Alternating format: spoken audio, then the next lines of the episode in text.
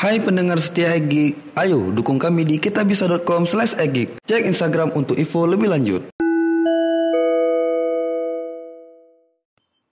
Hmm, halo sobat startup, you're listening to Egi Podcast. Kali ini saya udah sama Mas Prayudi Utomo ya Mas. ya? Iya. Eh, kalau background yang kita tahu nih ya, kita tahu dari LinkedIn-nya ya. Mas ini dulu di ITB, Iya. tapi eh, walaupun kita mau bakal cerita IT ini, Mas ini backgroundnya bukan IT ya, kan dia. astronomi. Terus eh, habis itu dari ITB freelance dan sekarang ketemunya di Banda Aceh ini sebagai trainer ya, trainer Iya. dari Coding Mom. Coding Mom. Uh, bisa nggak ceritain mas yang sebenarnya dari ah, ITB itu sampai bisa ketemu kita di coding mom ini gimana? Wah itu panjang nggak apa-apa. Ya nggak apa-apa karena karena kan kalau kita lihat di LinkedIn kan ya nggak ngerti maksudnya hmm, ke mana Iya. flow-nya. Karena Mas Nik kan backgroundnya astronomi. Iya. Nah, Ah, gimana bisa Oke. masuk ngajar jadi IT? Oke. Hmm, Karena di LinkedIn-nya langsung jadi freelance web ya gitu ya. Nggak, nggak ada sekolah, maksudnya sekolah IT nggak ada. Lihat sekolah IT-nya Nanti dulu. berikutnya. Iya. Jadi saya itu di astronomi itu nggak terus di tahun ketiga. Oke. Iya. Iya. Jadi waktu pas tahun ketiga itu saya mengundurkan diri sebelum di DO. Oke, Gitu. oke, oke. Nah, setelah mengundurkan diri kan waktu itu kan nggak punya skill apa-apa kan. Ini uh, Mas, Masnya memang astronomi nggak cocok gitu maksudnya. Bukan nggak cocok juga sih. Waktu itu ada beberapa ada masalah keuangan, ada Oh, iya, masalah iya, keluarga. oke, iya, iya, iya. Hmm. Buat teman juga. saya yang merasakan hal yang sama, Iya, coba betul. dengar nih. Ada betul teman saya ya? lagi di Jakarta mencoba, iya lah, coba coba. Iya, jadi setelah ri- eh, setelah keluar dari kuliah itu kan kayak masa depan suram, mas, madesu dibilangnya kan. Hmm. Jadi eh, wah ini saya nggak punya harga gitu kan. Tahun, punya tahun lu biar. Wah itu sarung, suku agama ras dan umur. Ini kayak ah, kalau di ini kayak timelinenya tahun 2004-an ya. Iya betul. betul. Nah, biar biar kita enak ceritanya 2004 gitu kan, mengundurkan 2004. diri. Hmm. Terus karena waktunya juga udah nggak ada untuk sementara SKS masih banyak. Hmm. Nah, long story short gitu ya. Jadi eh, saya luntang lantung tuh mas bertahun-tahun luntang lantung nggak punya skill. Terus juga eh, bingung apa ini udah praktis di rumah aja tuh. Hmm. Keluar juga minder gitu. Teman-teman udah pada S2, Hmm. pada lulus. Jadi pada masa itu Mas ya belum nyari kode belum ya? Belum sama Belum. sekali belum tahu kode-kodean. Hmm. Nah, pada suatu hari saya nggak tahu bagaimana ceritanya kok saya tergerak waktu itu ada komputer tua di pojokan peninggalan bapak. Oh di rumah Bapak. Terus ya udah saya hidupin biasa eh, Windows 98 ya. masih 95 waktu Oh itu. 95 Iya. ya bisa diambil tuh 98 Iya, ya. Petrus 3 waktu ya. mau 98 kayak karena komputer tua ya. Hmm. Terus akhirnya bisa. Terus ya udah dong waktu itu PHP lagi pada Ini. banyak tuh nah, programmer PHP, PHP. Facebook gara-gara Facebook tuh kayaknya. ya. Sebelumnya. Oh, sebelumnya. Maksudnya sebelum Facebook populer tuh ada beberapa eh, sebelum populer teman-teman pada PHP waktu itu zamannya Joomla Iya iya. iya. terus eh, WordPress masih masih early- apa namanya versi awal. awal banget gitu kan. Terus ada Drupal. Terus waktu itu is- eh, karena iseng akhirnya install. Install Joomla waktu itu namanya Mambo bukan Joomla Hmm. kan Mambo terus juga WordPress terus Hmm. Drupal.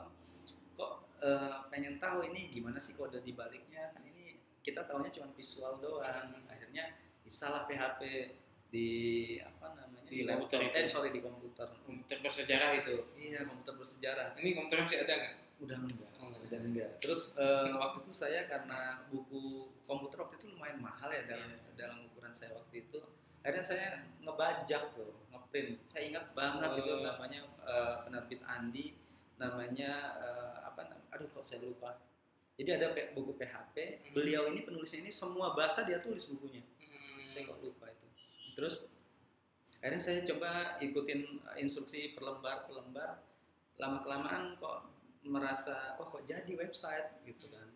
Jadi website terus mulai bikin sendiri framework. Waktu itu cobain waktu itu framework itu uh, ada banyak tuh. Ada sebelum Laravel gini-gini tuh waktu itu ada Prado. Prado itu sekarang menjadi Yi.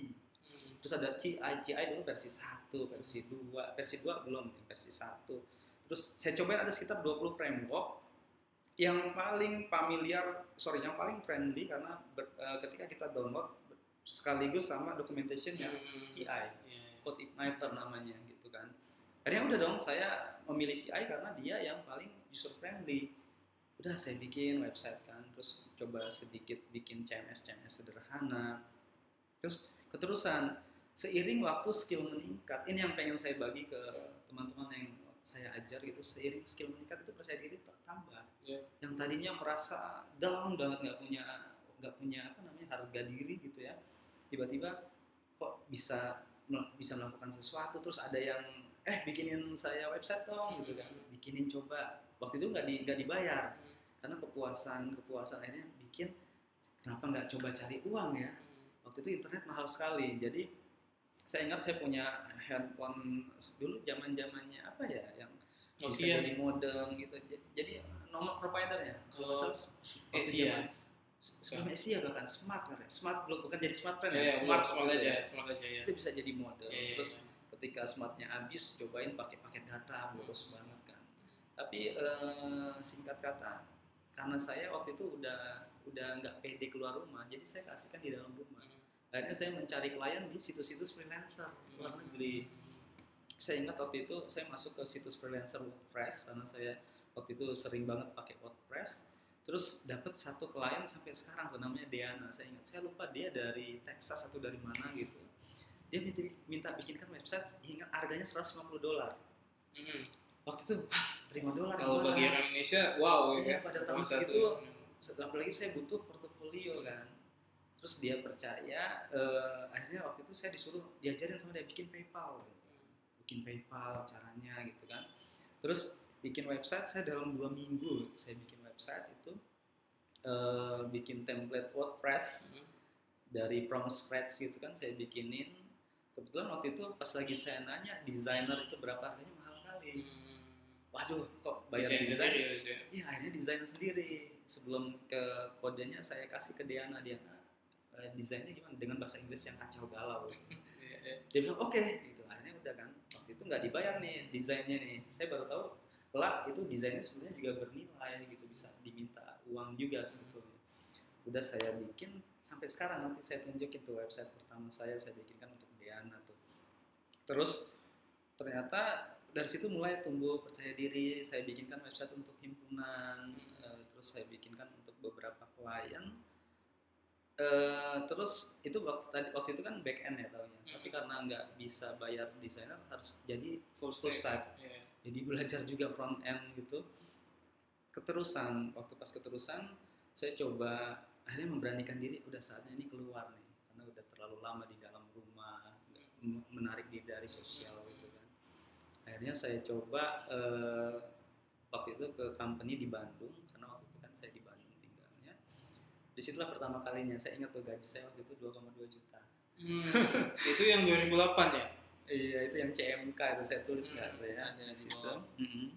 Code InDesign. itu waktu pas ah code insight itu punya saya sendiri Oh, jadi sebelum itu Ah. lagi? sebelum i- nah ini nih ini CMK Oh, kalau ini waktu itu saya freelance freelance Iya, yang iya. Diana itu Hmm. waktu itu 2,2 itu udah seneng banget tuh Hmm, Waktu saya- 2012 berarti ya? iya saya nggak Berarti Mas di rumah dari 2004 sampai 2012? Yes. Ya. Iya. Oke. That's a lot of time. Wah. But, saya sampai Iya. putih banget sampai iya, iya, iya. sampai gini kan Tapi itu kan berarti 10.000 jamnya Mas itu. iya iya Kalau kan mau Iya. jadi expert di satu bidang kan katanya harus 10.000 jam. iya Berarti Mas ngambil waktu 10.000 jam di itu deh. kalau Iya, saya kata- kadang-kadang berpikir itu blessing in disguise. Ya. Yes. Kadang-kadang saya kok saya dulu menarik diri dari sosial, tapi kok dengan itu dapat skill, Mhm. jadi nggak nggak tahu itu sebenarnya senang atau sedih gitu. Nah, Oke. terus terus di di yang company pertama itu saya di situlah eh, mulai berinteraksi atau berkolaborasi dengan programmer yang lainnya. Terus ya akhirnya saya banyak belajar dari mereka gitu. Terus eh, seiring waktu skill kita menambah karena lagi-lagi kolaborasi itu bikin skill kita jadi ketahuan oh ternyata yang selama ini saya merasa pinter ternyata nggak ada apa-apanya gitu kan.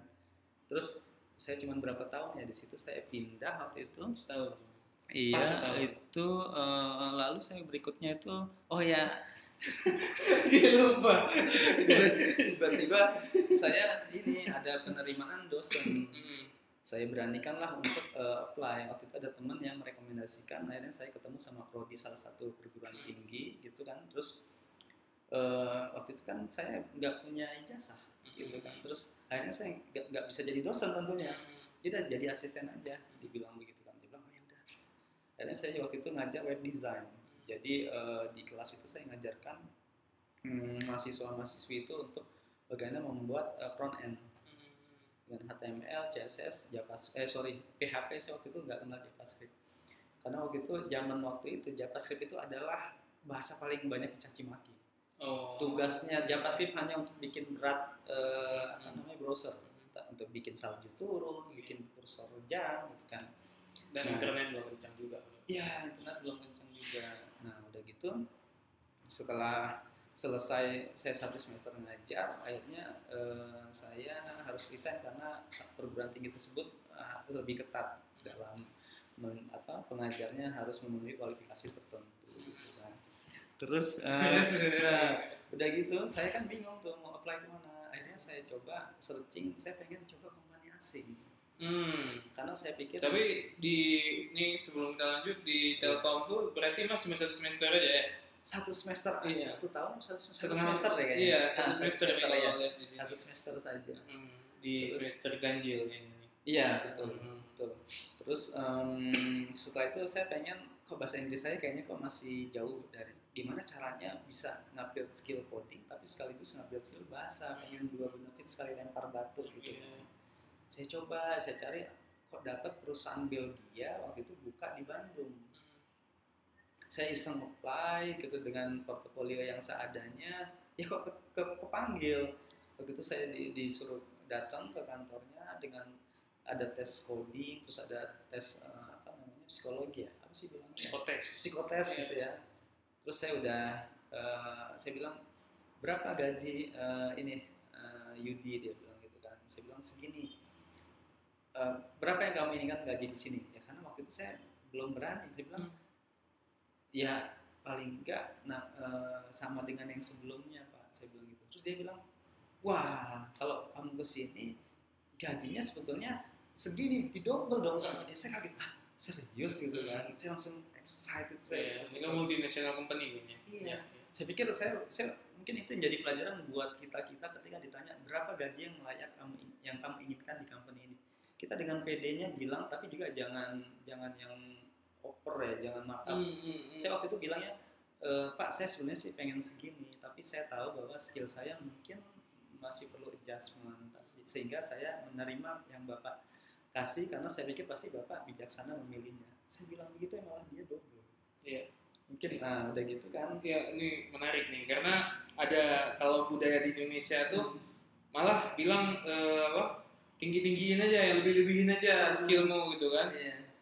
Tapi kalau di suatu company yang Indonesia agak Indonesia nggak Iya. apa-apa karena dia bakal di training ulang. betul Nah, tapi kalau kayak di yang langsung kerja atau startup kayak itu kalau berbohong istilahnya berbohong ingin tinggiin Nah. kayak itu otomatis dia bakal hancur otomatis. betul banget Iya. itu bang dan kita harus tahu skill kita di mana sih Hmm. gitu ya maksudnya kalau skill kita masih di levelnya sekian kita berarti eh, mintanya ya yang harus Iya. paling nggak sama Pe- lah ya Jangan kepedean kali gitu. betul jangan Iya. kepedean like, dan yang yang saya pelajari dari beberapa kali wawancara gini sebetulnya yang paling penting dari skill juga ada attitude Bang.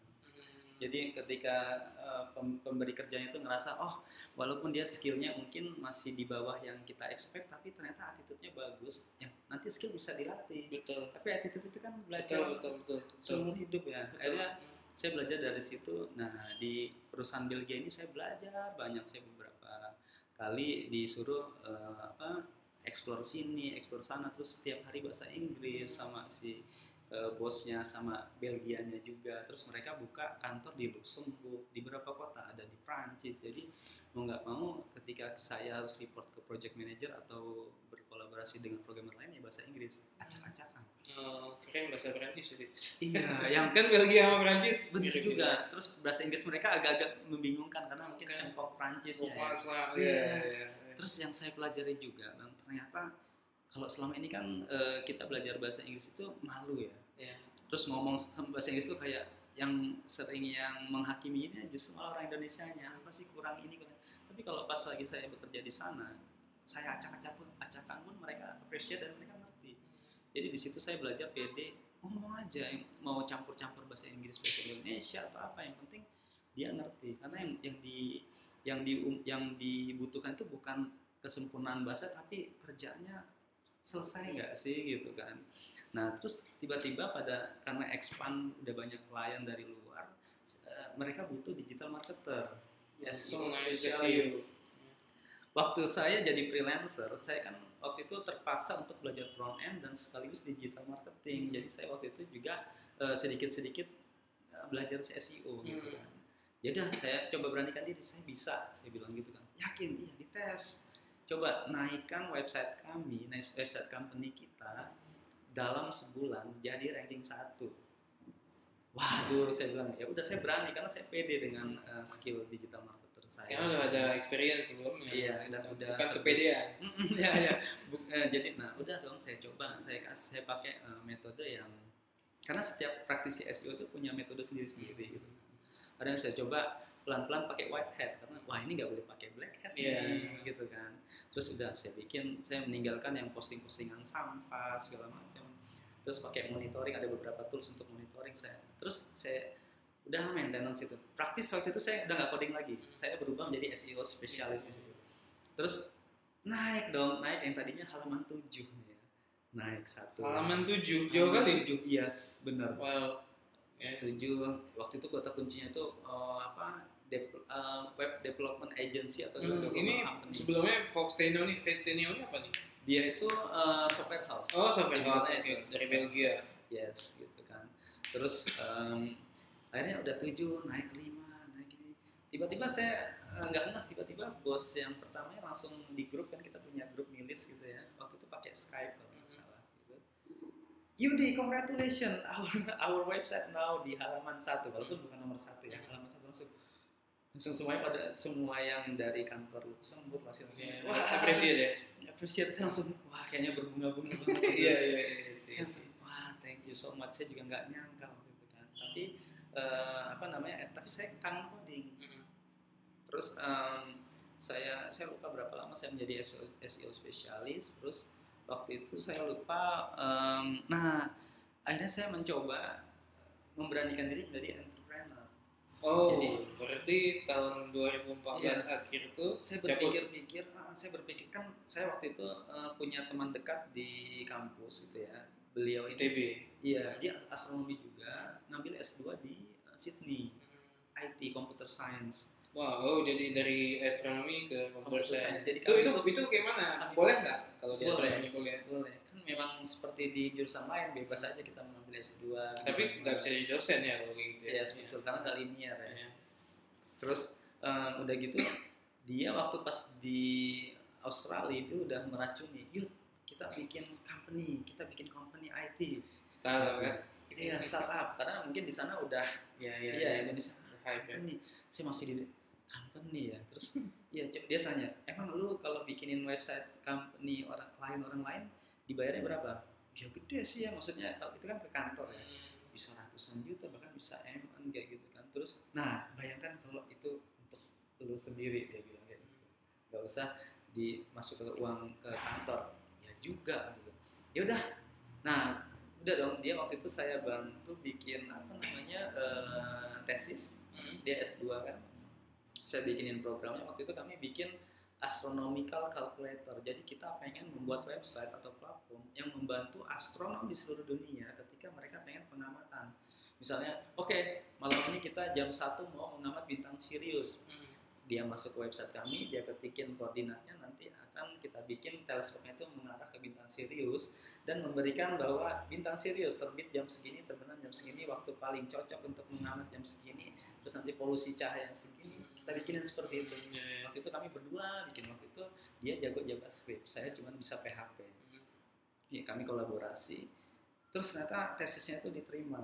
Terus dia bahkan eh, websitenya ini eh, dia pengen tunjukkan ke profesor di Jepang agar membiayai eh, ini kami apa eh, startup kami dulu sih bukan startup ya namanya ya apa ya.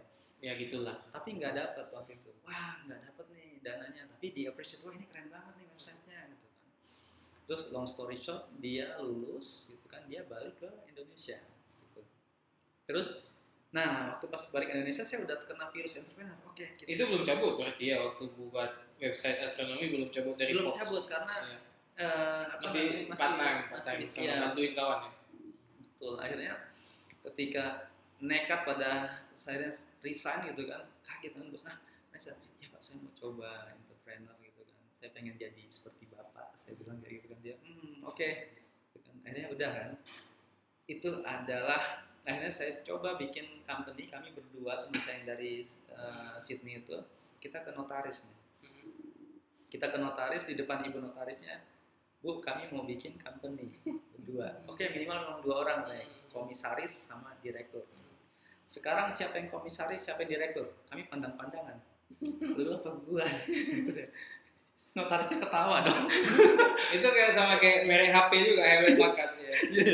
terus akhirnya si notarisnya bilang udah gini aja. Yang jadi direktur yang di Bandung. Yang jadi komisaris yang di Jakarta saya di Jakarta. Sebab yang di Bandung biar gampang administrasinya. Oh. Berarti gue direktur komisaris ya? Iya ditulis lah kan. Tanda tangan. Jadi kami CP bukan PT ya. Waktu itu CP kita bikin karena kita ketakutan nanti pajak gimana gini, oke. gini. Nah, terus kita udah kita bikin website then simple company profile.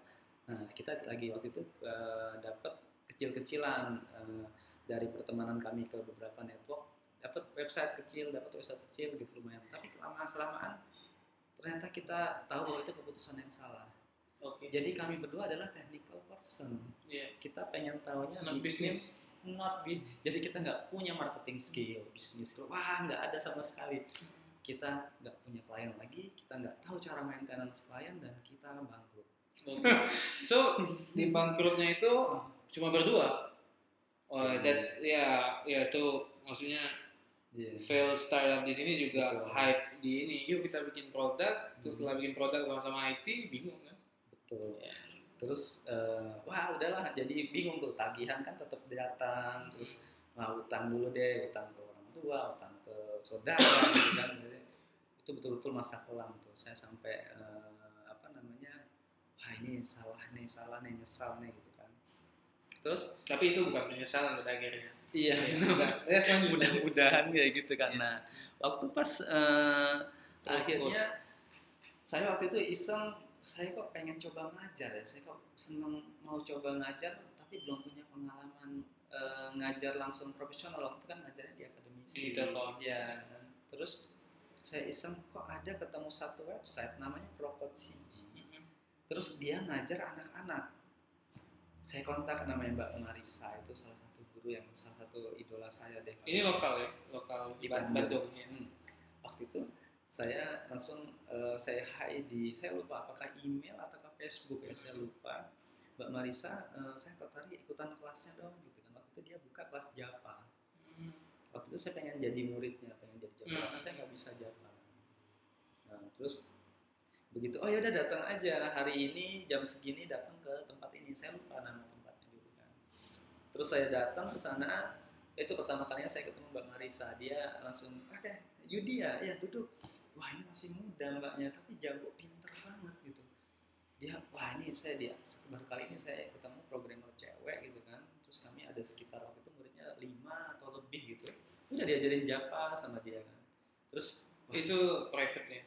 Hmm, jadi itu di tempat di Bandung itu ada ada beberapa tempat komunitas. Waktu itu kami pakai satu tempat komunitas yang sekarang udah tutup gitu kan. Terus beberapa kali saya ikut pertemuannya Mbak Marisa ini kan. Terus Japa akhirnya lama kelamaan muridnya pada hilang karena mungkin terlalu susah tuh Japa itu kan terlalu susah. Terus Oh udah ketak lah advance ya, udah masuk mungkin ke- ya Nah, karena waktu itu saya juga nggak kebayang aduh ini kok Java susah ya gitu terus akhirnya setelah eh, waktu itu saya sama Mbak Marisa akhirnya ngobrol yuk hmm, gimana kalau kita cobain proyek yang lain nih? Kita pengen eh, apa namanya kita mengadakan suatu pertemuan rutin eh, yang men- menjadi satu simpul untuk ketemunya orang-orang dari berbagai macam background. Hmm.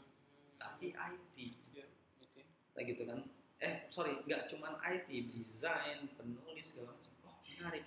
Nah, waktu itu ada seseorang eh, berumur eh, apa namanya sudah berumur di sampingnya Mbak Marisa saya saya kok ini orang familiar banget siapa ya kok udah eh, seperti auranya kok beda gitu kan. Saya tanya Pak itu siapa? Pak Budi Raharjo. "Hah, Pak Budi Raharjo? Kalau kita kalau saya selama ini kan tahunya tokoh IT itu Ono Wepurbo Budi Raharjo gitu kan. Ya ampun ada dewa di sini. Saya, saya pikirkan terus Pak Budi Raharjo saya langsung mengalami starstruck gitu kan. Oh, gila ini Pak Budi Raharjo. Terus akhirnya eh sorry Em, udah. Udah itu saya kenalan beliau ternyata Mbak Marisa ini em, adalah mahasiswinya Pak Budi Raharjo pada dulu ngambil S3 PhD sehingga eh, mereka punya project bareng-bareng. Nah Pak Budi idenya karena beliau udah 15 tahun tinggal di US gitu kan waktu zaman kuliahnya dulu. Pas dia cerita beliau ini ah dia inspirasi banget ya. Dia bilang waktu di US dulu itu eh, kumpul-kumpul seperti inilah yang yang menimbulkan tokoh-tokoh IT Xerox, Hmm, iya, betul. Microsoft. Iya, iya. Jadi kita anak-anak muda kumpul di satu simpul-simpul sambil ngobrol-ngobrol, udah dong jadi founder ini, jadi founder. Nah, kita pengen bikin di Bandung ini udah banyak gitu ya, maksudnya udah ada beberapa. Kita kita pengen juga bikin simpul di mana kita ketemu dari berbagai macam uh, Background. background agar perspektifnya kaya nggak hanya satu perspektif aja IT enggak yang urban planning kita panggil yang penulis terus mereka sharing di depan dia bilang gitu kan. Terus kami bertahun-tahun kami lakukan. Kata Pak Budi mau ada nggak ada yang datang mau cuma dua orang mau kita doang yang datang tetap ada dia bilang gitu. Oke. tiap Senin kami ada kami datang kadang-kadang kami cuma bertiga aja Pak Budi yang jadi berbicara. Kalau enggak kita undang temen nah udah dong jadi kaya banyak networking segala macam gitu kan Itu pada awal cuma bertiga. cuman bertiga Sekarang. Mhm. sekarang gimana? Se- Nah, sejak setelah waktu itu eh, apa namanya? Namanya D7 ya. Bukan, namanya- namanya Prokot Siji. Sampai sekarang Prokot Siji. iya, iya. sampai sekarang Mbak Marisa sama Pak Oh iya, Prokot Siji tadi. Iya, Iya. itu masih mengajar Nama anak-anak. itu nama eventnya? Eh, namanya Prokot Siji eh, Meetup. Oh, minta Iya. ya. Tiap Senin ya. Iya. Sampai sekarang. Nah, enggak. Setelah Oh. tahun ini kalau nggak salah, mereka akhirnya stop bahwa energi mereka disalurkan kepada yang lainnya. Waktu, waktu itu kayaknya kita kebanyak terdistraksi banyak gitu kan. Kita harus memfokuskan ke yang memang tu- yang apa yang impactnya mungkin kelihatan.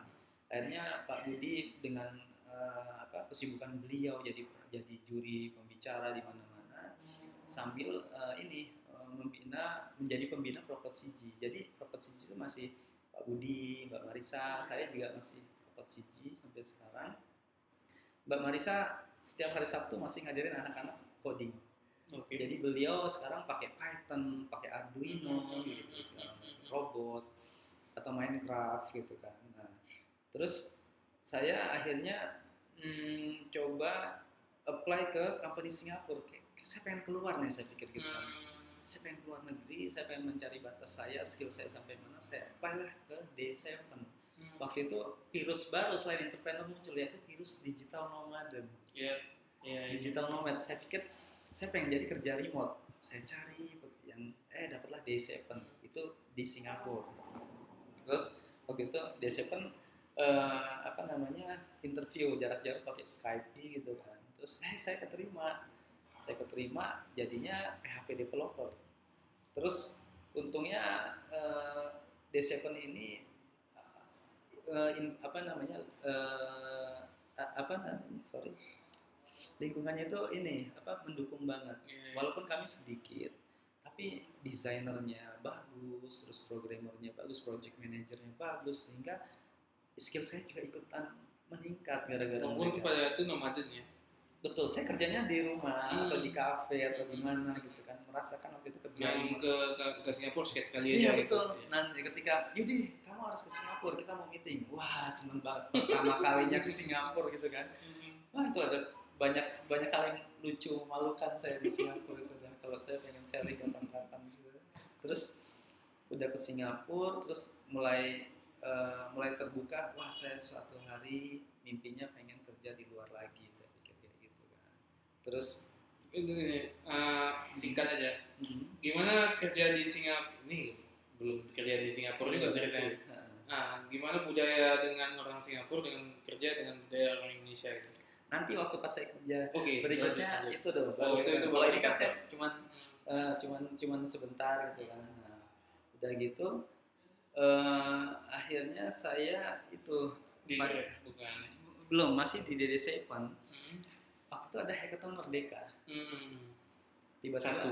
Benar, hackathon benar. merdeka satu Mas Ainun Najib Iya. yang inisiatornya kan terus kan di astronomi itu banyak yang menjadi programmer lulusannya ya Hmm. nggak banyak sih kita astronomi juga dikit Iya, tapi iya, iya. Nah tiba-tiba ada satu teman gitu eh, adik kelas, eh yuk kita reuni yuk sambil ikutan hackathon gitu kan. Hackathon apa? Hackathon Merdeka. Dia bilang, oh ayo yuk kita ajak juga eh, si Tio, si Fikri. Jadi teman saya yang di Singapura, yang di Sydney itu saya ajak. Hmm. Eh bro, ada hackathon mau nggak? Oh yaudah ayo aja pas libur nih. Nah jadi kami empat orang astronomi semua, cuman saya nggak lulus. Terus udah gitu kita ke Jakarta kita ke Jakarta langsung waktu pas waktu itu ada sekitar 300 tim ya saya lupa tuh di hackathon pertama itu kan terus eh, kita duduk terus bingung kita bikin apa ya Belum ada idenya. belum ada ide kok yang semuanya kayak udah serem-serem gitu ya Iya. udah pada bawa eh, Tangannya lancar gitu ya. udah udah serem waduh apa nih saya tanya eh lu pernah bikin apa ini lu pernah bikin apa Yaudah kita bikin aja ini Eh, waktu itu topiknya adalah harga ya harga komoditas Hmm. Tani ya maksudnya. tani ya komoditas Confirmation. iya habis terus habis itu kita karena temen saya waktu itu ada yang satu sering banget bikin SMS server gitu kan. Yang satu saya waktu itu sebagai front end yang satu bikin API terus gimana kalau kita bikin komoditas kita pilih beras aja deh beras gitu kan. Ya udah beras. Kenapa beras ya? Nggak tahu kayaknya lebih gampang aja kali gitu. Ya udah beras. Kita bikin bagaimana ketika orang pengen cari harga beras misalnya beras eh, rojo lele atau beras cianjur ketika dia submit gitu kan platform kami akan memberikan 5 tempat beras di sekitar dia sekaligus harganya.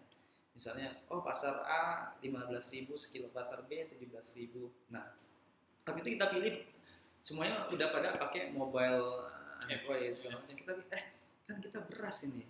Sementara yang mem- membutuhkan data ini kan bukan orang yang nggak semua yang punya ini gimana kalau kita pilih teknologi yang paling sederhana SMS jadi kita pikir sehingga nanti Oh, dari bukan Sabang website, bukan aplikasi, SMS. SMS. Oke. dari Sabang sampai Merauke yang di pelosok pun bisa make gitu oh ya udah boleh tuh gitu kan kita pakainya pada waktu itu jarang banget yang pakai SMS di Hmm. event hackathon itu kan Kayaknya di hackathon tuh mikirnya cutting edge teknologi gitu ya. Betul.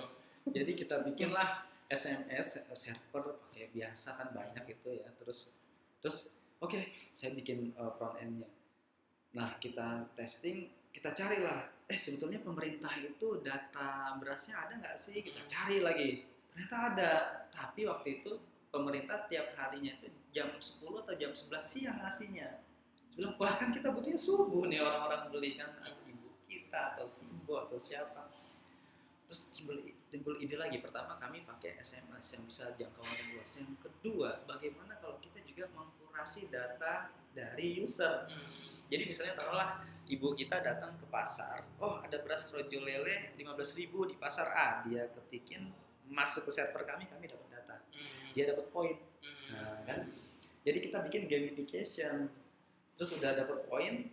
Jadi eh, kita dapat dua data pembanding, data pemerintah data dari real user juga ada. Kita lihat nanti nih gimana distribusinya, gitu kan?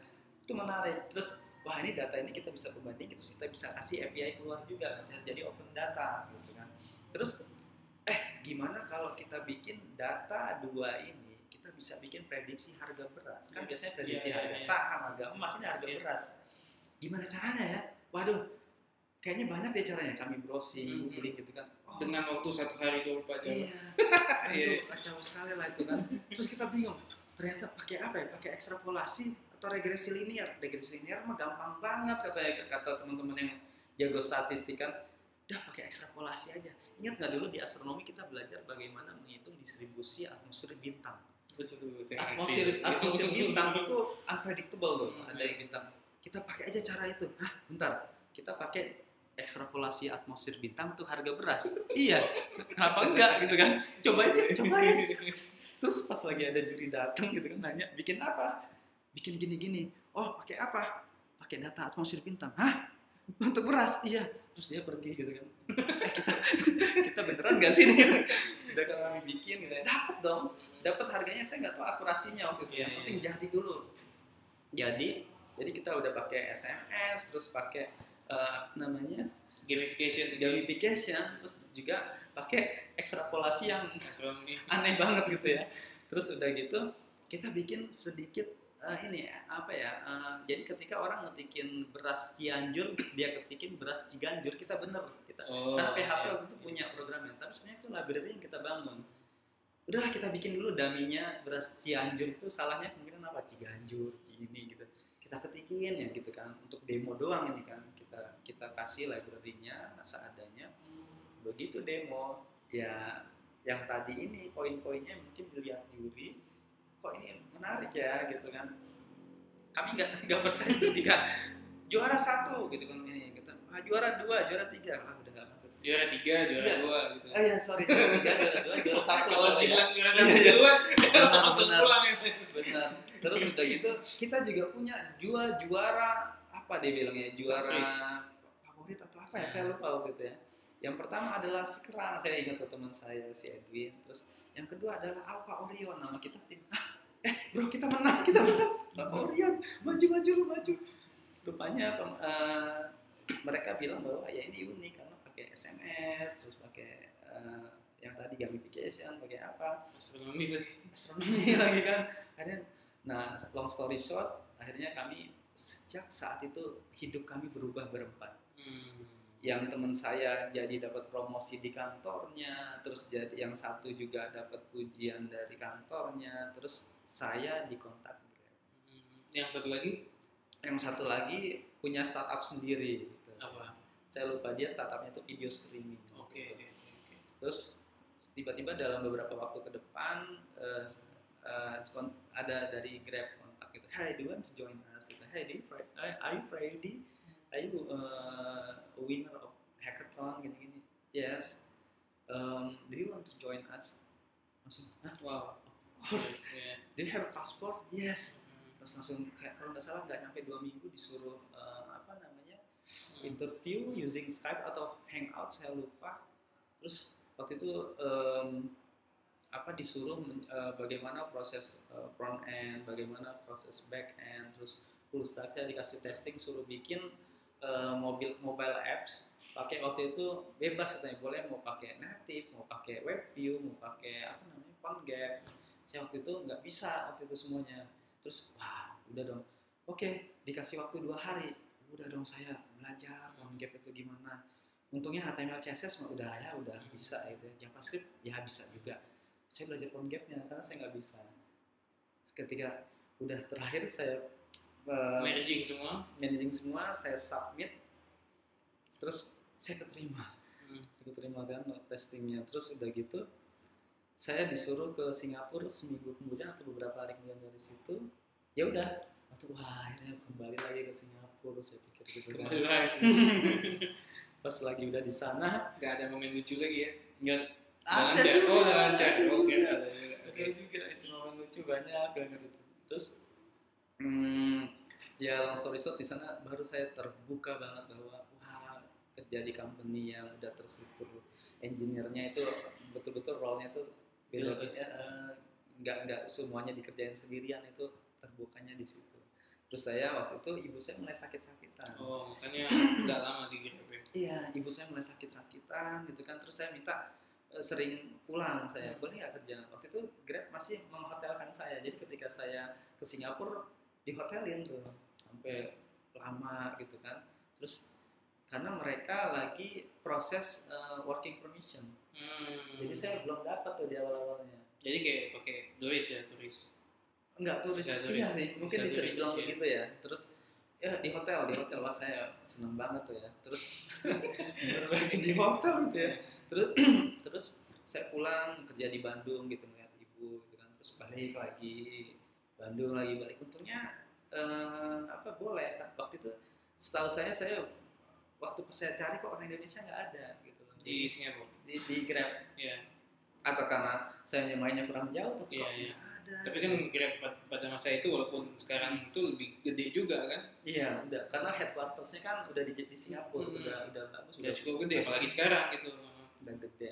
Terus kok nggak ada waktu itu saya jadi UX engineer. Jadi se- em, waktu itu atau disebutnya prototyper. Nah, Hmm. di situlah saya berkenalan kenalan sama UX. Tadinya kan saya pikir apaan sih UX? Iya, Kita UX itu kan- gitu kan.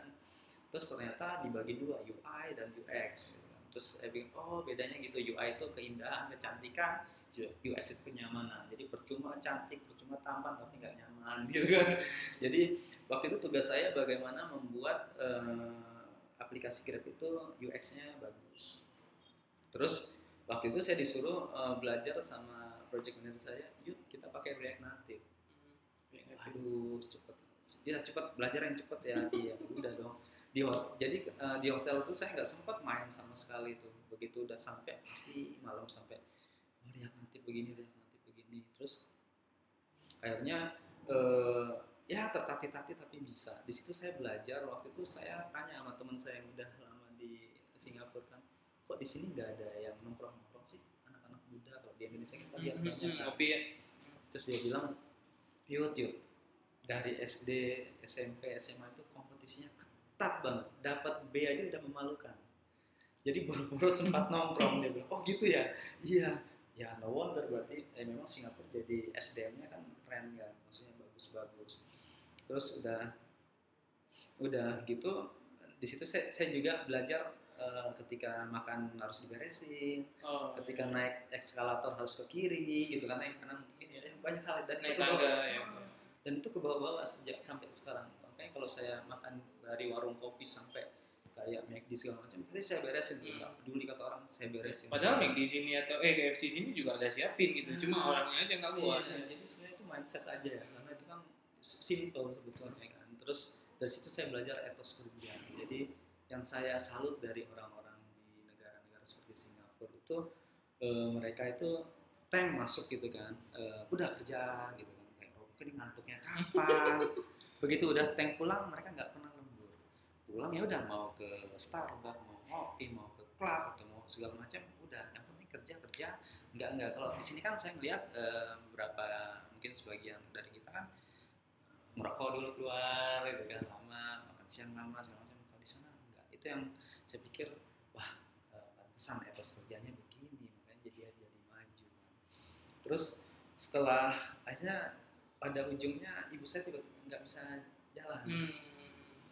waktu itu saya juga eh, karena waktu itu orang tua tinggal ibu kan Hmm. karena beberapa tahun sebelumnya ayah saya meninggal saya nggak di tempat jadi saya pikir ah udah deh daripada nyesel uang bisa dicari gitu kan udah saya resign aja sempat ditawarin gimana kalau kerjanya Di di Indo di Indo tapi waktu itu saya takut eh, apa namanya nggak sempat. nggak gitu. sempat benar nggak sempat resign aja are you sure? Karena kalau di company itu kan harus nerapin teknologi baru, teknologi baru, teknologi baru. betul. Takutnya nggak sempat distraksi gitu kan saya pikir. Terus dia bilang ya oke if you want to come back just let me know. Dia bilang gitu. Eh, waktu itu project PM saya baik banget dia bilang begitu kan. Ya udah saya resign. Pas working permit saya keluar. Akhirnya saya bilang ya udah untuk yang lain aja deh. Iya, iya. waktu itu saya disuruh nyari pengganti. Hmm. Terus saya cari lah siapa yang jago JavaScript di Indonesia.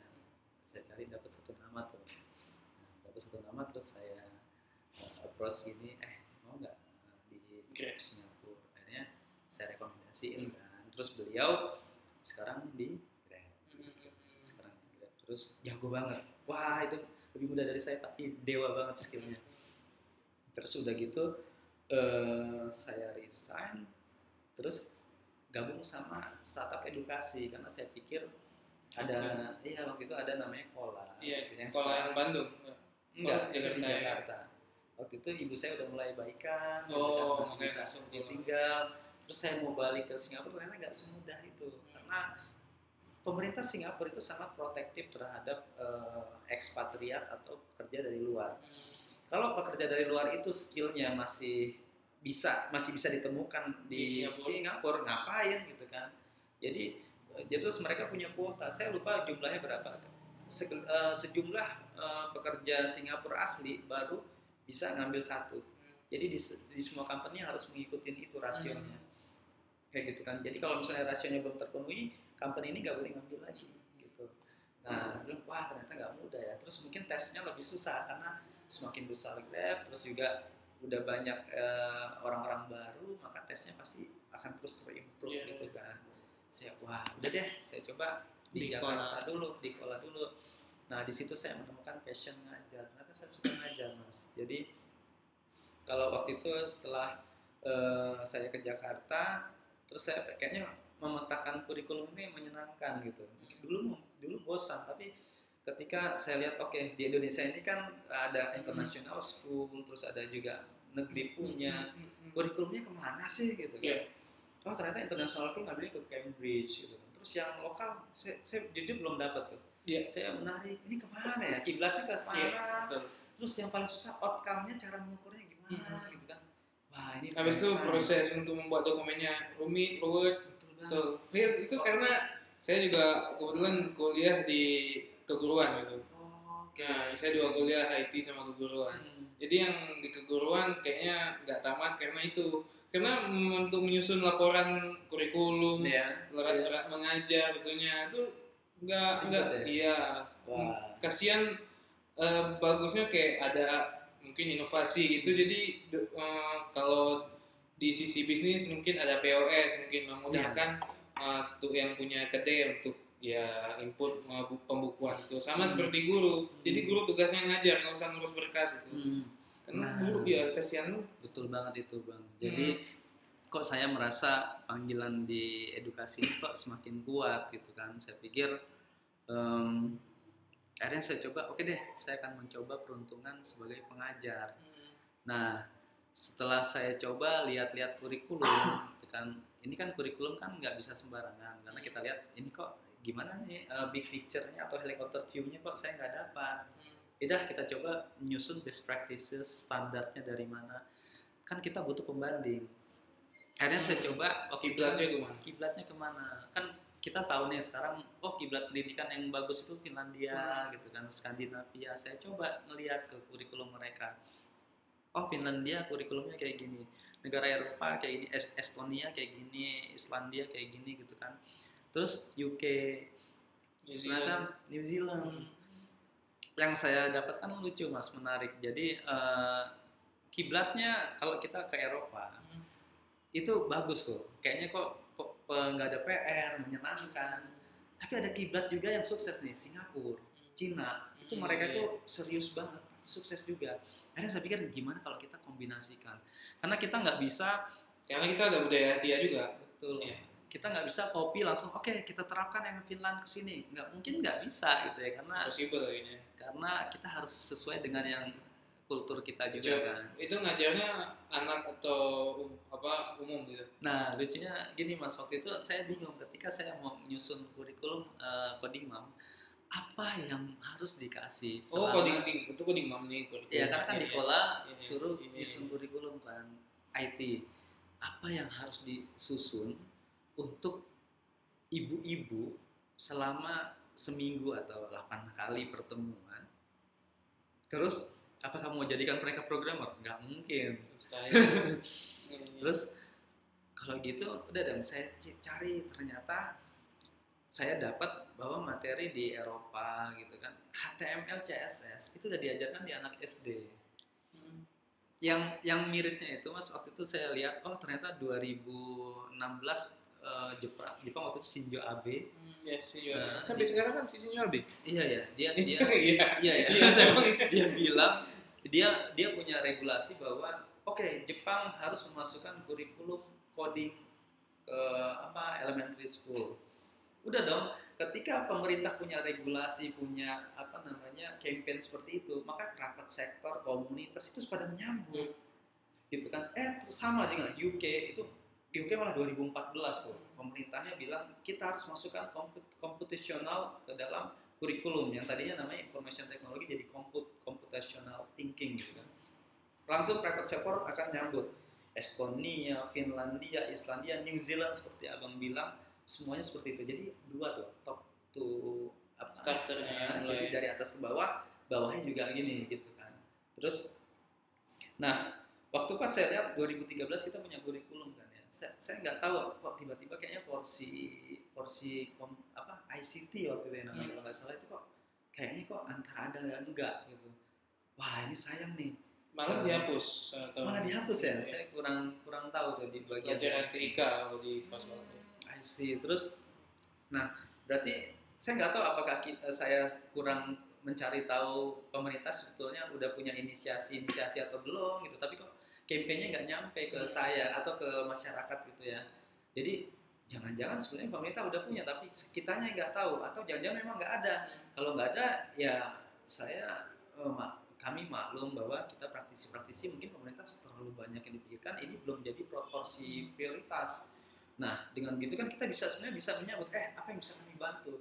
Kenapa saya bilang gitu? Karena waktu pas saya eh, coba pelajari di UK misalnya, ketika pemerintahnya pengen coding masuk ke kurikulum sekolah dasar, pasti akan ada gejolak di dunia eh, pendidikan guru, terutama lah kami berarti harus belajar Belajar dong segala macam gimana caranya. Nah, yang menariknya adalah di UK, di US itu ternyata mereka menarik pihak ketiga seperti Code Academy, Yes. Code.org yaitu yang diinisiasi oleh Iya. Microsoft dan lain-lain untuk mem- membantu proses transisi. Jadi ternyata pemerintah dengan tenaga-tenaga gurunya itu juga nggak tiba-tiba jago-jago enggak. Mereka membutuhkan pihak ketiga, pihak swasta, pihak private se- sector untuk membantu mendelivery materi ini. Jadi anak-anaknya eh, disuruh ngerjain Code Academy, disuruh Code.org, dia bilang, wah Indonesia udah punya. Ada di coding, ada Hacktivate, ada Pola gitu kan, ada mungkin di Aceh kayak Hello Tip. Gitu. Terus Gumugu Academy. Gumugi, sorry, Gumuga Academy, Bang Aslan kan. Terus eh, saya pikir, wah eh, kita udah punya semua nih, tinggal sinkronisasinya Hmm. gitu kan. Ja- Kalau kita mengharap-harap pemerintah gimana sih gini, mungkin nggak akan kelar-kelar tuh ya. Terus Bang Aslan kemarin menginspirasi saya, dia bilang, kenapa nggak kita tanyakan ke pemerintah, kenapa, apa yang bisa kami bantu? Benar juga, Iya, Bang. betul. Yang semalam Pak ini Pak Hmm. Menteri bilang ya, Hmm. saya bosan regulasi. Apa yang bisa kita ini kolaborasi? Ta- Tapi memang peran pemerintah besar bang. Jadi pemerintah tetap harus mengkampanye, membuat yang kayak Shinzo Abe itu bahwa pem- kita misalnya Jepang gitu kan, Indonesia harus masukkan komput komputasional ke dalam kurikulum. Maka kita langsung enak tuh fondasinya udah ada dari pemerintah. Tapi kalau yang sekarang kita masih kita pengen bergerak tapi takut Yes. pemerintahnya ini gitu ya mas. Eh, lalu hmm, Takutnya clash nanti. betul. Lalu takutnya nanti eh, ada yang ada yang nggak senang atau ada nggak sinkron. Eh, sebetulnya kalau kita tarik ke belakang kenapa sih penting masuk kurikulum itu kan? Iya, kenapa kok eh, Eropa-Eropa, New Zealand gitu pada masukin kurikulum? Waktu itu saya coba gitu. Tarik ini kenapa ya? Ternyata eh, kalau zaman dulu kita dikenal kemampuan dasar itu ada tiga bang. Jadi membaca menulis sama aritmatika. Ya aritmatika itu sekedar berhitung biasa tambah kurang bagi kali. Ternyata ada kemampuan dasar yang juga penting gitu ya. Itu adalah logika. Iya. jadi di sini kita pengen sejak dini itu udah dilajar bagaimana problem solving. Memang nggak diajarin yang yang kompleks ya tapi problem solving bagaimana membuat anak itu berpikir Iya. sistematis Betul, jika betul. ini maka ini Hmm. ternyata itu yang mendasari negara-negara Eropa memasukkan coding ke dalam kurikulum mereka. Iya. Itu sebabnya anak-anaknya udah bisa berpikir kritis sejak dini. Seperti itu. Nah, lalu kenapa coding? Karena coding itu kan penuh dengan logika, gitu kan, problem solving. Terus, terus ini pertamanya. Terus yang keduanya, kalau kita di Indonesia ini nggak segera mengejar ketertinggalan, ketertinggalan yang udah mungkin 10 tahun ketinggalan ya, atau mungkin malah lebih, kita akan Kalau dari dari itunya kata-katanya malah ada yang lebih 100 gitu ya. wow, Sampai satu abad gitu. kalau kita nggak segera mulai dari sekarang nih, sekarang sekarang banget, kita semakin ketinggalan dan jadinya apa? Cuma jadi konsumen doang. Betul. Terus kita suka bangga nih, Like wah, we used to before ya. iya. Terus kita jadi konsumen doang, bang. Terus eh, kita mungkin bangga, wah banyak company buka di Indonesia nih, company asing. Itu sebenarnya miris. Berarti kita jadi market seksi buat mereka. kan. Nah, kita jadi konsumen, kita jadi uh, sebagai pengguna doang. Gimana caranya supaya menjadi tuan dari teknologi? Berarti harus belajar teknologi itu bekerja. Sementara bagaimana cara teknologi bekerja itu bahasanya dari kode. Yeah. Itu sebabnya uh, saya pengen banget literasi kode itu diajarkan sejak dini kayak gitu. Makanya uh, saya senang sekali ketika ya sekarang di bidang edukasi itu saya pengen semuanya literasi kode. Jadi bukan diajarin yang udah bagaimana uh, memakai uh, laptop, bagaimana tapi bagaimana bikin games, bagaimana bikin robot itu yang diajarin dan harus tahu baca. Ya, ya, ya. Itu sih. Ya, ya, karena masalah kurikulum tadi Hmm. uh, ada kayak cerita bahwa dia ini uh, orang tuanya dulu kuliah, jadi anaknya sekolah di luar negeri. Ketika dia anaknya kembali uh, orang tuanya kembali ke sini, anaknya sekolah sini, dia bosan di sekolahnya. Oh gitu. Hmm. Karena katanya it's not interesting, itu nggak menarik. Nah, karena tadi kayak Mas bilang di sekolah itu lebih ke textbook bukan problem solving Betul. pada kenyataannya walaupun eh, gimana kurikulum diatur tapi eh, pada kenyataannya di lapangan lebih ke ayo mencatatnya Maksudnya, apa yang ditulis di papan tulis di Didikte ya. iya didiktekan. didiktekan Hmm. Nah, ada yang kita waktu pas dulu di sekolah ya bang ya. Eh, ketika kita ngantuk nih di pojok kelas ngantuk, yang dilakukan adalah keluar kamu gitu kan, atau dilempar sama penghapus. Kalau sekarang, kalau ada yang ngantuk, berarti ada yang salah dengan cara mengajar saya gitu kan. Dan jadi ada hal yang penting itu pedagogi. Hmm. Jadi kita punya materi bagus, kurikulum bagus kita susun, tapi jangan lupakan juga teknik mengajarnya, pedagoginya. Iya. Jadi bagaimana kita bisa eh, apa ya mengukur outcome-nya. Hmm. Jadi satu kelas eh, tanggung jawab seorang mentor, seorang guru itu bukan hanya mendelivery saja, tapi bagaimana agar tiap dari muridnya ini mencapai satu kepemahaman. Itu susah untuk mengukurnya, Bang. Gimana sih paham itu diukur? Nah, cara mengukurnya eh, ada banyak cara gitu. Ada yang kita eh, bikin scoring misalnya eh, satu topik mereka harus bisa menjawab pertanyaan-pertanyaan yang seperti kita lakukan selama ini. Tapi ada juga sertifikasi. Terus ada juga eh, apa namanya mereka harus bisa presentasi gitu. Jadi jujur aja saya sekarang masih mencari best practices dan standar untuk asesmennya betul assessment juga eh, apa namanya measure outcome Hmm. karena sesuatu yang nggak bisa diukur itu susah untuk di scale up Hmm. gitu atau di skill up Hmm. jadi saya sekarang masih coba uh, utak atik nih puzzle puzzlenya belum tersusun penuh apa sih yang cocok untuk em, measure gitu saya belum sempat untuk baca-baca kurikulum-kurikulum lagi yang di negara-negara lain karena kesibukan jadi mudah-mudahan ke depannya eh, ada waktu terus saya berharap juga open kurikulum sesuatu yang Iya, iya, eh, kurikulum. misalnya ada kurikulum di keep aja misalnya nggak rahasia atau apa jangan kan kurikulum deh misalnya eh, aplikasi yang closed source itu biasanya lama berkembangnya Bang. Tapi kalau kita punya yang open source semua orang berkolaborasi untuk memperbaikinya ini. Itu seperti itu juga saya berharap kurikulum juga. Misalnya ada kurikulum matematika lempar gitu kan dimasukkan ke GitHub ataupun apa pun yang open gitu ya. Orang dari seluruh dunia akan mereview ini. Iya, oh, oke.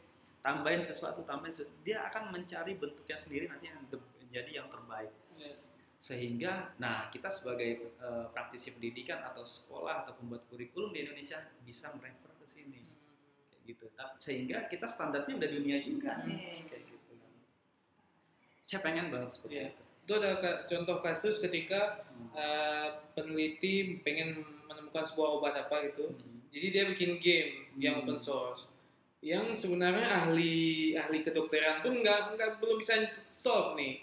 Datang datang programmer dari background yang berbeda-beda pada akhirnya menemukan suatu komposisi yang tepat untuk Hmm. obat dari penyakit itu.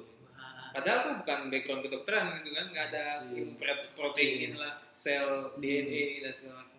saya jadi ingat nih dengar cerita abang eh, perspektif itu harus kaya bang. Betul. Jadi benar nggak sih ketika kita em, melakukan open source yang tadinya mungkin ada orang-orang sebagian nanti ide saya dicuri dong gitu kan. Hmm. Terus udah bukan saatnya begitu lagi. Karena sepinter-pinternya orang punya ide apa pun pasti dia akan kalah dengan eh, apa ya eh, dengan kekuatan atau knowledge dari orang-orang yang bergabung kolaborasi. Dan eh, suatu kemajuan teknologi itu kan dari kolaborasi juga gitu kan. Jadi eh, saya pikir kita harus bikin suatu open curriculum terus semuanya contribute.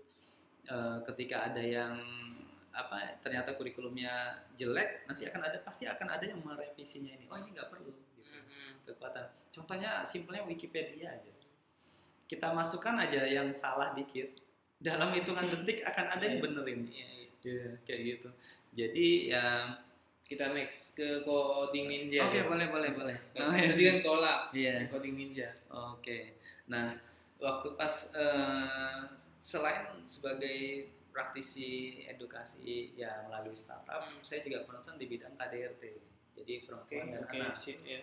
Waktu itu eh, Itu dari cerit dari pengalaman di lingkungan sendiri atau memang lihat gimana? memang lihat waktu itu ya mungkin ada di keluarga juga Hmm. gitu kan, Wah, pengalaman pribadi gitu ya. pengalaman pribadi Iya, gitu kan. tergerak gitu. betul terus wah ini pokoknya harus dilawan nih seperti ini kan terus juga eh, waktu itu saya ikut hackathon di Komnas Perempuan. Waktu itu mereka Komnas Perempuan mengadakan hackathon saya pikir wah saya harus ikut nih. Pas saya lihat data-datanya Komnas Perempuan wah itu miris banget. Banyak banget KDRT di Indonesia terus undang-undangnya itu ternyata juga kalau kita baca undang-undangnya itu enggak eh, masih masih banyak yang harus bisa ditambahkan sebetulnya. Sehingga eh, banyak korban-korban yang nggak berani lapor karena ujung-ujungnya nanti disuruh dan saya juga nggak tahu saya belum dapat datanya dari undang-undang ini berapa banyak sih yang sudah terjerat gitu kan jangan-jangan nggak ada gitu Hmm. terus saya ikutlah eh, apa hackathon saya masuk finalis tuh waktu itu nah itu nanti saya apa saya juga senang tuh untuk berbicara itu tapi kayaknya nanti waktunya akan ini kita panjang. ya kita Terus, ini. Nah, saya kenalan sama aktivis perempuan yang tinggal waktu itu di Jerman. Orang Indonesia namanya Maya kan. Terus dia pindah ke eh, San Francisco jadi programmer. backgroundnya pro IT. ya. Saya saya kok lupa ya, dia program kayaknya IT kayaknya ya yang di Jermannya itu S2. Terus udah dong kontak-kontak di Facebook kita jadi teman gitu kan. Eh karena mungkin merasa satu irisan dia concern di bidang hu- human trafficking di sana. Wah kita ah, iris- eh, IT irisan terus juga eh, aktivisnya irisan. Gimana kalau kita bikin edukasi startup karena edukasi adalah eh, salah satu solving problem buat masalah di Indonesia dan free. Terus oh oke akhirnya dia rekrut dia kenalan juga sama orang Indonesia juga di Melbourne eh, namanya Dendi waktu itu Dendi itu programmer di kalau kan kalau kita eh, programmer WordPress kalau beli themes itu biasanya di Tempores Hmm. nah itu ada company namanya Empato gede Ya, Infatu. dia kerja di situ Ya, Infatu kan di atas Tempores lagi kan. Iya. Nah, jadi kami bertiga kita bikin udah kita bikin si uh, Coding. Ninja. Kita uh, domisilinya si company itu di San Francisco si Maya karena dia founder utamanya kan. Terus ya udah kita bagi tugas bikin kurikulum uh, ini, bikin kurikulum ini. Kami bikin gitu kan. Waktu itu saya dapat kurikulum UX, sementara teman saya kurikulum Git, Maya bikin kurikulum juga gitu kan. Ternyata waktu udah udah sempit banget kita sama-sama sibuk gitu kan wah udah banyak udah lumayan banyak tuh yang daftar tapi kita nggak kekejar bikin kurikulumnya jadi kami vakum sampai Oke. sekarang vakum saya nggak tahu apakah nanti kami lanjut atau enggak tapi betul-betul udah nggak punya waktu di situ baru habis Just itu Capital. Nah, waktu itu setelah saya resign eh, kan di Kola. Di Kola itu waktu itu kita em, punya holding, punya yang lebih tingginya lagi Oke, namanya Just Capital. Capital. Ya. Waktu itu saya ditarik ke atas. Hmm. Yuk, kamu jadi eh, masuk Just Capital aja gitu. Terus saya pikir, oh yaudah saya coba waktu itu kan. Hmm, waktu itu saya ditugaskan untuk audit kode-kode dari aplikasi-aplikasi yang dibuat oleh Just Capital. Saya waktu itu audit kode segala macam. Karena menariknya dari seorang programmer itu, kalau dulu kita awalnya eh, programmer baru beginner, kita tuh pentingnya fungsional do- doang. Yang penting fungsinya jalan, udah Oke. aman. terus seiring waktu kita punya pengalaman ke atas kita oke kok tampilannya jelek tampilan terus seiring waktu eh kok kena hack kita punya punya perspektif Security. security, terus loadingnya lama performance Iya. eh ternyata eh, ketika loadingnya lama terus kok aplikasi kita nggak nyaman dipakai oleh orang yang disabilitas masukin accessibility gitu kan.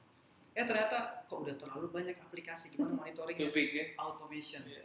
jadi karena kita udah punya banyak perspektif dalam bikin satu aplikasi yang tadinya cuma dipandang dari functionality, jadi saya ber- eh, pengen jadi yang tadi itu em, lebih atas lagi kita bisa melihat helikopter view-nya, terus mainnya di strategi, nggak coding lagi kayak gitu kan. Terus karena waktu pas Kominfo kalau nggak salah itu bilang Indonesia kekurangan programmer gitu kan. Hmm, makanya Ya, dibuat like program that, ya.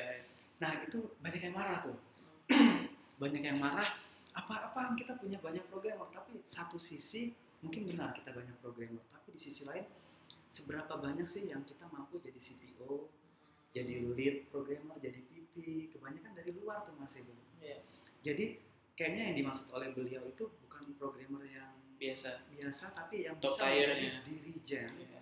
dari suatu teknologi kayak gitu. Jadi tahu desain pattern, tahu arsitekturnya, tahu segala macamnya. Jadi itu mungkin. Nah kita memang masih sedikit kali. ya. Saya juga nggak berani bilang karena toh saya juga belum mencapai tahap itu, gitu kan. Terus dari situ saya pengen wah berarti PR kita masih banyak nih. Gimana caranya? Ya udah berarti saya coba ambil part bagian saya yang kecil sebagai trainer dari literasi coding. Seperti itu sih. So, eh, apa untuk recap, Hmm. ini Mas Prayudi Utomo ini pada awalnya akan menjadi astronomi yang membelok ke IT Iya. dan berakhir jadi eh, apa educational ya Iya. si pengajar dan sekaligus kurikulum eh, apa perencana kurikulum. Hmm, seperti itu. How do you see yourself in five years or ten years? Oke. Eh, pertama Masih mau ngoding nggak ke depan? masih Iya. saya gatel banget nih Iya, coding kan. gitu kan karena udah setahunan ini mungkin bikin kurikulum Iya karena aja kan. itulah habis IT habis itu langsung ke educational ya. Iya. Codingnya kurang kayaknya. codingnya kurang. Iya. Nah, yang bikin saya mm, jadi malu sendiri itu waktu pas saya jadi programmer, saya suka eh, ngomongin ke dengan teman-teman project manager kita nggak bisa coding tuh, gitu kan. Dia nggak bisa coding ini apa, akhirnya kok dia bisa jadi project manager gajinya lebih tinggi gitu kan. Terus Kayaknya kualat nih. Jadi ketika saya di posisi dia, yang mana Sekarang ya. coding kita nggak hands on lagi, tapi kita harus berpikir strategi, kompet apa namanya, big picture. Iya. Itu susah loh. Ya, iya. Makanya mungkin Lebih eh, enak nyusun bata daripada bangun satu rumah jadi arsitek. betul betul. Jadi em, nah pengen jadi arsiteknya tapi bukannya jadi tukangnya. Iya. Nah waktu pas tukangnya mungkin dia em, Wah, dia nggak bisa iya, nukang dia nggak bisa nukang. Itu. Sekarang saya sekarang saya nggak berani lagi bilang project manager. Karena sekarang saya di posisi itu Iya. saya harus melihat big picture-nya apa bisa arsitektur. Jadi arsitekturnya itu arsitektur informasi arsitektur eh, apa infrastruktur itu harus tahu. Dan itu kan nggak mudah. Jadi saya melihat diri saya ke depannya itu pengen terus at least bisa eh, pilih satu spesialisasi Hmm. tapi juga punya banyak satelit-satelit eh, skill gitu loh. Iya. Misalnya saya pengen jadi programmer, tapi saya juga bisa desain, bisa apa gitu. Nah, kalau ke depannya saya pengennya itu pengen keluar lagi.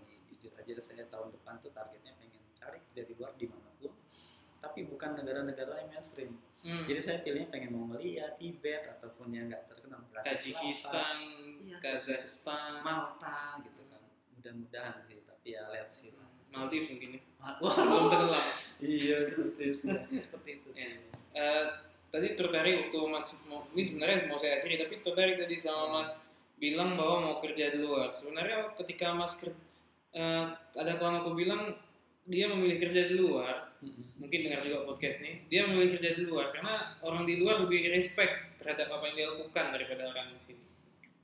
Kalau itu saya nggak tahu ya. Mungkin Enggak pada bukan bukan di lingkungan kerja Oh. tapi di pada orang pada, pada general pada pada umumnya mungkin ya mas ya karena eh, kita sering kali mendengar ada alumni alumni yang mendapat beasiswa keluar tapi mereka akhirnya eh, ketika di dalam negeri nggak mendapatkan penghargaan semestinya akhirnya mereka milih di luar kayaknya itu memang PR besar buat pemerintah, buat eh, lembaga-lembaga kayak LPDP segala macam apakah sistem filteringnya harus diubah atau direvisi saya nggak tahu. Sehingga orang-orang yang memang mendapatkan beasiswa keluar itu dia betul-betul orang yang pengen balik pengen membangun Indonesia gitu loh. Saya pengen banget yang seperti itu. Terus kalau yang untuk keluar saya bukan itu bang bukan eh, Iya, enggak aku enggak bilang harus. oh enggak iya iya benar Tapi ini lingkungan saya lingkungan- benar sih saya setuju itu. Bang. kebanyakan cerita begitu. Kan banyak yang miris jadinya. Benar. teman saya juga banyak kok yang wah males ah pulang Pulang ya. Iya males sih. pulang Sama kayak Hmm. sebenarnya nggak usah keluar dari Aceh ke Jakarta aja. Malas Hmm. balik lagi ke Aceh. Oh, Emang iya. iya. benar ya itu Sih. skop lebih kecilnya Iya. benar-benar setuju kalau saya hanya pengen mencari batas diri sih Bang. saya nggak Ya, tahu tr- try to watch your limit ya. iya betul saya pengen mencari batas diri mem- mem- memperbesar nyali terus juga eh, pengen saya kayaknya kecanduan untuk eh, apa namanya eh, Coba hal belajar baru. Ya. hal baru kayak gitu seperti itu. Oke, ini kita udah kayaknya udah sejam lebih. iya ya panjang Udah sejam lebih enggak, enggak kami enggak ada masalah kepanjangan nih Gitu. pengelola gedung ya. Jadi eh, makasih untuk Mas Prayudi Utomo Iya. udah sharing-sharing di podcast Egi. Hmm. Ini mungkin jadi ya buat kawan-kawan yang bukan non IT atau mempunyai kurang sukses di masa kuliahnya mungkin bisa ini ada contoh maksudnya enggak Iya, iya. don't- jangan jangan menyerah maksudnya Hmm. jangan menyerah masih banyak opportunity di luar sana terus juga eh, sekarang ke depan kayaknya kampus itu nggak menjamin kerja tapi vokasi menjamin kerja kalau Indonesia Iya. kayak, kayak kemarin jumpa sama Mas Riza Fahmi dari Hektif Ma- masa tamat dari Hektif dijamin 10 juta kerja di perusahaan besar lagi Iya. Hmm, daripada di kampus yang notabene-nya A maksudnya belum tentu dijamin di perusahaan besar dengan gaji yang ya gitu Iya, itu Mas Rizal Fahmi keren. Hmm. Gitu. oke thank you mas Iya, iya. Saya juga thank you, Bang. oke